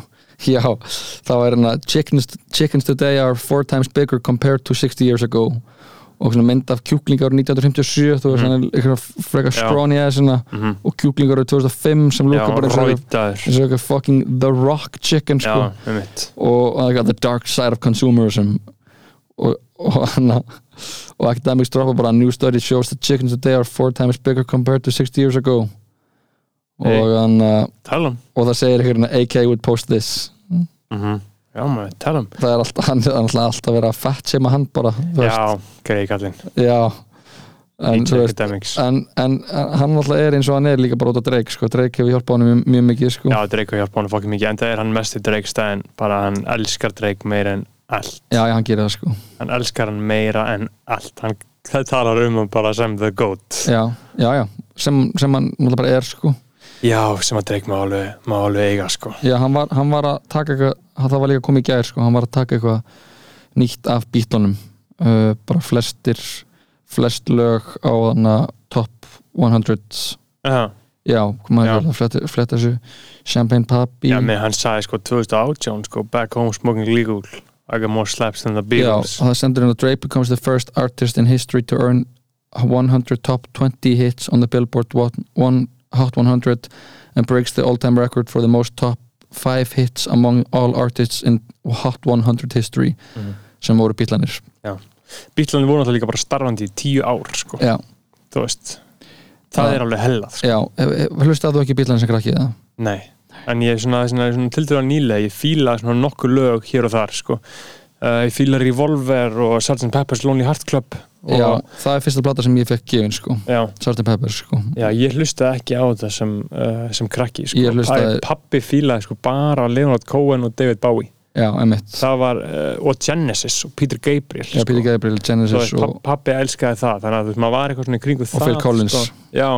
með minnir hann hafi ekki fílað Phil Collins, sko, það var eitthvað, ég man ekki alveg. Pabbi fucking Já, hann, náttúrulega- hann var, skrítið með hann var svona, sko. náttúrulega trommarinn í, í Genesis sko, Já. hann hefur kannski, já, tekið Ki- Peter Gabriel. Já, þetta var eitthvað svoleið, sko uh, og síðan ætti pabbi náttúrulega í því, sko á einu, nei, sko, bara á sex mánuðum að allar hitjunar stóðu. Já, Eh, Castro, Já, Bowie og Mhm. Cohen já, þeir dói allir hann 2016-17 já, bara eitthvað í röð, sko. Veist, þetta er bara eins og að sko, veist uh, þetta er bara eins og sko, Kanye og Kendrick og hmm, veist, Akkart og ekkert tólið Já, degja þetta er bara akkurat skilur, wow, ég myndi, ég veit ekki hvað ég myndi gera. Svona Þú mútið bara þurfa að breathe já, já, gaur, en svona andlát en síðan er það bara, það mætti bara gerast það myndi gerast, skilur, Já, þú já. veist, gaur Mac Miller dó til þess að sína okkur að átt að þróast, skilur Nákvæmlega. Nipsey Hussle dó til þess að sína okkur að vera karlmaður og standa í lappinnar og sjá Já. um þitt shit skilur. Þú veist, X dó að því að til þess að sína okkur hvernig við um að tekla einhver kynferðisbrot skilur, hvernig við um að díla við einhvern brjálaðan uh, brjálaðan óbeltismann sko. Já, bara líka til að sína okkur bara einhvern veginn svona hvað heimurinn er ógustlega flókin Já, sko. hvernig við getum verið svona brútali peinar Juice dó fyrir það sama Já. og Lil Peep líka og Pip líka sko. Já, og þess að það er basically uh, uh, eins og Gísli sagði sko stundum gerist, það gerist allt fyrir ástæði saman hvað svo ósakjöld svo ástæða getur verið sko, já, já. þú veist, svona er þetta bara Þetta er svona þetta sko. var bara eitthvað svona þú veist það, það var skrifað heil bókum í biblíunni, jobsbók mm mhm, skilur já. þú veist, af hverju gerast svona ræðilega hlutir sko, uh, og þá er það bara eitthvað fyrir the greater good sko, já. þú veist. Ég hlustaði mjög mikið á betana sko, og, og, og na, ég, er náttúrulega- ég byrjaði á myndinni sem kom út í fyrra á Apple TV já, lungu Já, Slow Mm. TV mm sem ávist að vera ótrúlegt að, ég, þú veist, ég byrjaði bara svona, það var lukkaði alveg ótrúlegt já, sko. ótrúlegt, ef, Jackson. ótrúlegt efni sko. Og þannig að já, bítlanir algjörlega mó, mótuðu mjög mikið sko, þannig að minn smekka á tónlist það er alltaf bara svona bestu pop popparar.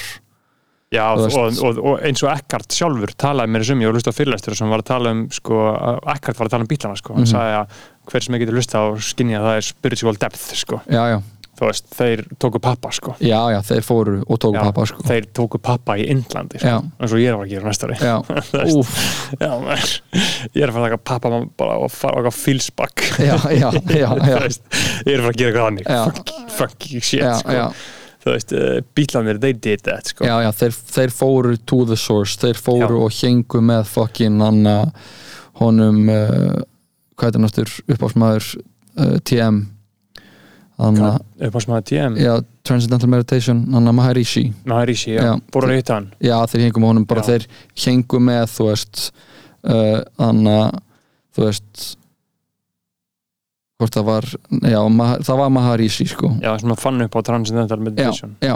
hann og þú veist það er lag sem heitir Ma- Maharishi Song sko. Ok, shit. Uh, og þeir Uppáhaldsbílunæmyndi er næst síðasta svona, Það er síðasti kaplinn á Revolver sem er feitur, sko Tomorrow Never Knows það sem eru bara svona hellu indlandsljóð Já, já. já, ég hann já, Revolver er geggjuð sko og ég hlusta líka mjög mikið á hvítublöðuna sko, The Beatles Mhm. Og hann þetta eru bara full þetta eru bara, þetta er bara fullkomin músík Já, sko. já, og þú veist, það verður talað um þá alveg eins og þú veist, Kanye skilur, Kanye mun lifa í 500 ár já, í einhverjum nýs sub subkultúrum alltaf, það verður að skrifa það verður að skrifa 20 binda æfisögur um Kanye. Mhm. og best believe ég ætla að lesa þér já, já, þú veist, það er uh, hann mun lifa uh, að þú veist, Kanye er búin að gera músík núna í 20 ár skilur, já, 10 árum lengur bílanir skilur, já, emitt Drake er búin að vera ok, ef, ef, ef við miðum þetta við að vera aktífur það er búin að gera tónlist frá 2004-05 skilur Mhm. en hann gefur út fyrsta prótetinsegt almennilega So Far Gone 2009 og þá er hann bara 23 ára. Veist, hann er alveg uh, ungur sko. mhm, Kanye er aðeins eldri sko. College Dropout kemur þegar Kanye er alveg 27 já, Kanye fættur 77 og það er 2003 er það ekki akkurat bara 26-7 já og þá er hann líka búin að vera að fokkin grænda sem producer og, og hann að já, Five pizza day for three summers. Já.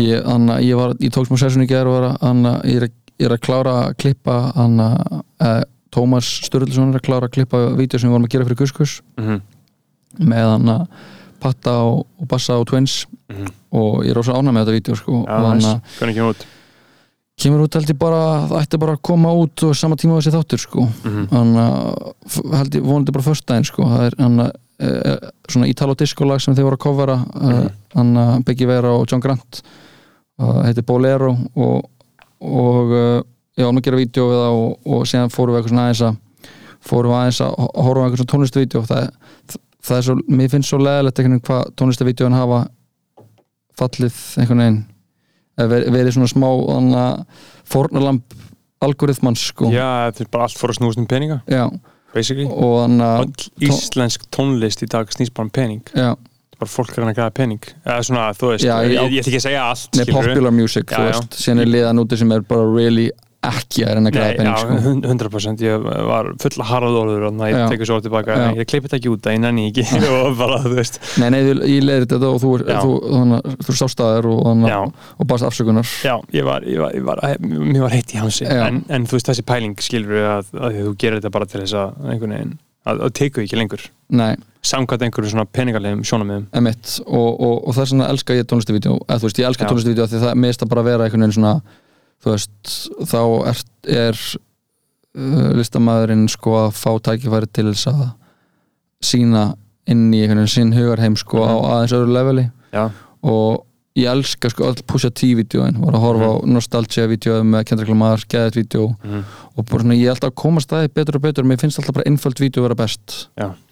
og þannig að og Tómi var að tala með að dyrkaði Sagga-vídeóið það er bara uppáhalds Mhm. tónlistavídeó hans bara íslenska. Mhm, og, og þannig að þú veist, eitthvað sem er bara einfalt þú veist, eitthvað sitt sem er bara, þú veist það, það, er, það er alltaf sama sagan þegar fólk fyrir að flækja hlutina mhm. að það fer alltaf bara, Já, það fer bara aldrei eins og Hype William Budget Já, þú veist, þá fer það bara alltaf ég að kjafta þú Mm. veist, bara eins og maður sér með eða bara svona öll stúdíó þú veist, vídeo, alltaf Mm. eða þú veist, jújú, jú, það koma þú veist, þegar eitthvað svona O-Tours koma að leikstýra, þú veist, eða síðan eitthvað lið sem er eða geggja. Mercy vídeo, Já, allt ekki í stúdíu eða ekki? Jú, að það er að tekið í einu herbyggi þú Já. veist, þetta er bara eitthvað svona herbyggi sem er búið að mála eitthvað svona línur í og þú veist, síðan er bara sami, sama kameramúvement og bara Mm. búið að ja, og þannig að síðan dýrkaði bara vídeo við, þú veist, Numbers on the Board þar sem þau eru, hann er bara eitthvað í Paris að rappa þú veist, sérst bara brot, brota brot sérst í Kanye, Mhm. rétt í lokin kemur- stendur Chief Keef hljóðanum bara rappa í Paris, veist og bara Það að myndi mér rosa rappa mikið á þegar hann- hann droppaði hann að Hear Me Clearly.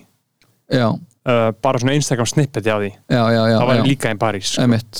Já, nákvæmlega, nákvæmlega. Mhm. og, anna, og vídeo við Diet Coke, þú veist, á nýrplötunni Já, og ég er alltaf því að lusta positív það er bara ekki að þetta er besti rappar heimi. Já maður. Uh, Exo, Vídeó við Exodus 23.1 Já, Disline og Lil Wayne. Já, Það þegar, er fucking rosalegt já, sko. já. Og fucking vídeo við Blokka, þú veist, Já. er í Jamaica. Já, og bara í mann þegar það var svona dæmi sem ég horfa á, ég bara, oh my god. Mhm. af því það er, þú veist það er hægt að fela sig á bakvið svo mikið einhverju, einhverju fucking, einhverju dulleri Mhm. en þegar þú veist listamæðurinn bara kemur bara og gerir þú veist, eins og bara í rappið, þú veist, þetta er svo fucking mikil expression í þessu, bara positív bara er að rappa og horfi myndalum með einhvern Coke crazy eyes, Já. þú veist. Já. það er maður bara eitthvað, wow, bara þetta þessu gaur hefur séð shit. Já, þú veist, og bara eitthvað svona af, af bara sannfæringu að segja fucking, bara segja eitthvað í myndalina, þú veist. Only rapper sold more dope than me was easy. Já, þú veist, það, það er bara Anna, og mér er svona þú veist, það hafa mér að margir hafa brent sig á, á, á þessu svona í, á Íslandi, þú veist, eitthvað svona ég ætla að gera huge video mm -hmm. og maður er eitthvað svona akkur er samt, eða þú veist Mm -hmm. akkur ekki bara að gera einfalt video, Chief Keef fyrir stofangilsi já, sló í gegn. Já Love Sosa, bara inn í herbyggi. Já, bara heimi á já, bara þetta, þetta þarf ekki að vera flóki sko, Mhm. þetta þarf bara að vera sannfærandi. Mhm. og þetta þarf bara að vera gert á tilfinningu þú veist, það er þetta að gera vera með marga miljónar að gera eitthvað vídeo og það er ekki gert á tilfinningu, það er bara eitthvað svona já, já, eða, þú veist, já, þetta var fínt. Þetta var fínt. Mhm. cool, já, bara on to the next one. Mhm. þú veist en það er svo, þegar mér, vídeon sem alltaf ég sæki mest er bara eins og fokkin bara hann að Spike Jones vídeo hann að við You með Fatboy Slim. Ég man ekki að því. Hann stendur, það var að candid camera það bara stendur okkar og þetta tekið upp bara okkar camcorder. Mhm. Spike Jones stendur fyrir framann að eitthvað bíó á Hollywood Boulevard og er að dansa við hann, hann sjálfur? Hann sjálfur. Já, dansa við You með, Já. með Fatboy Slim. Já, og, og bara eins og bara einhver, hann lúka bara eins og einhver loony þú veist. Og það er bara fullkomið vídeo veist, bara fullkomið vídeo. Og hann að og Grimes Oblivion vídeo þar sem hún stendur og er að dansa Mhm. við lægi sitt Mhm. á einhverjum fótbolta vettvangi og bara eitthvað Mhm. þú veist bara svona dót sem er bara eitthvað svona herðu hann að keep it simple stupid sko. Já, eins og That's Not Me uh, Skepta á Jamie. Já, það var einhver verðlun fyrir vídeo ársins. Já, já, Kost- nákvæmlega. kostaði 100 pund. Já, skepta rappin Hirtendól sem er eitthvað svona gammalt græm signature eitthvað. Já, já það er MC dæmi sko. Já, Lord of the Mic sko. Mhm. Ertu búin að horfa á uh, Woodstock 99? nei, já eftir. Ég mæli með því sko. Já. Það er, horfum á, því, tök, tökum við fyrir næsta já, það er rosalega telling of the times sko. Já. Hvað þannig að aldamótin voru fokkin sköllaðu tími í menningunni sko. Í, Þú veist, í bara eitthvað svona popular culture sko.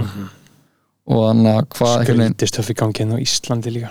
Já, skrítistöf í gangi í Íslandi þú veist, eitthvað svona sveitaballamenningi það sem er gott er að Rottvælir náttúrulega kemur hann rétt eftir aldamót sko, Mhm. og, og þá bara shiftast já, shiftast landslæðið Mhm. En þú veist, það sem þeir voru það sem þeir voru, það sem þeir voru að tala inn í þú veist, bara, bara hvernig erpur tala um þetta þú veist, tala ennþá um þetta þú veist, bara öll rappurni mín þau eru hann er netru sko, allir sem voru að hlusta á fokkin skítamál eru bara eitthvað í sangeriði að sucka dick fyrir kók eitthvað. já. Þannig að já maður, erum við ekki bara að slá botni í Jú, þetta? man, við erum að slá uh, góðan og djúpan botn í þetta, kæra bræðlag uh, bara fokkin bassa, alvöru bassa í þetta sko. Ó, já, nú ætla ég að tala þetta með hamburgerröðinni, við klárum þetta uh, Free Alex Jones. Er maður að slá botni í hennan þátt skoðanabræður þakka fyrir sig. Og uh, já, þú veist. Segir við erum eitthvað að koma á Patreon? Já, segði við einhverjum að Þetta koma er einfalt. Já, bara, og þú veist ef þú eru bara að borga 5 dólara Upgrade. Upgrade, þú Let veist. me upgrade að því að þetta er sko 5 dólarar er ekki neitt þú veist, Nei. það er verðbólga, við erum alveg feeling it Já, sko. það er bara allt, við getum ekki breytt 5 dólar af prísnum í eitthvað hærra því þá þurfum að cancela öllum. Uh, bara þannig að við erum að gefa ykkur með einsinn inn í þetta hvernig væri, þetta ætti að vera dýrara en þetta var bara ell hjá okkur þegar við byrjuðum. Já, þetta var bara þetta var bara of ein, sko, ein, einfaldleg eða svona einfaldningsleg hugsun. Þetta var næf sko. Já, en uh, þannig að þú veist, ef þú eru að borga 5 dólar bara jó, splæsi 5 við bót upgrade maður. Við kunnum að mynda, við sjáum það, ég fæ alltaf mail og ég sé svona hver er koma inn og, Já, og, og, og allir sem gera það fá bara fokkin uh, virðingu á nafni en bara í Já. næst, næsta Já, bræðarsæti maður, 100%. við munum fokkin anna, við munum bara represent that shit Já sko. maður, uh, guð bless ykkur kæra bræðileg, boys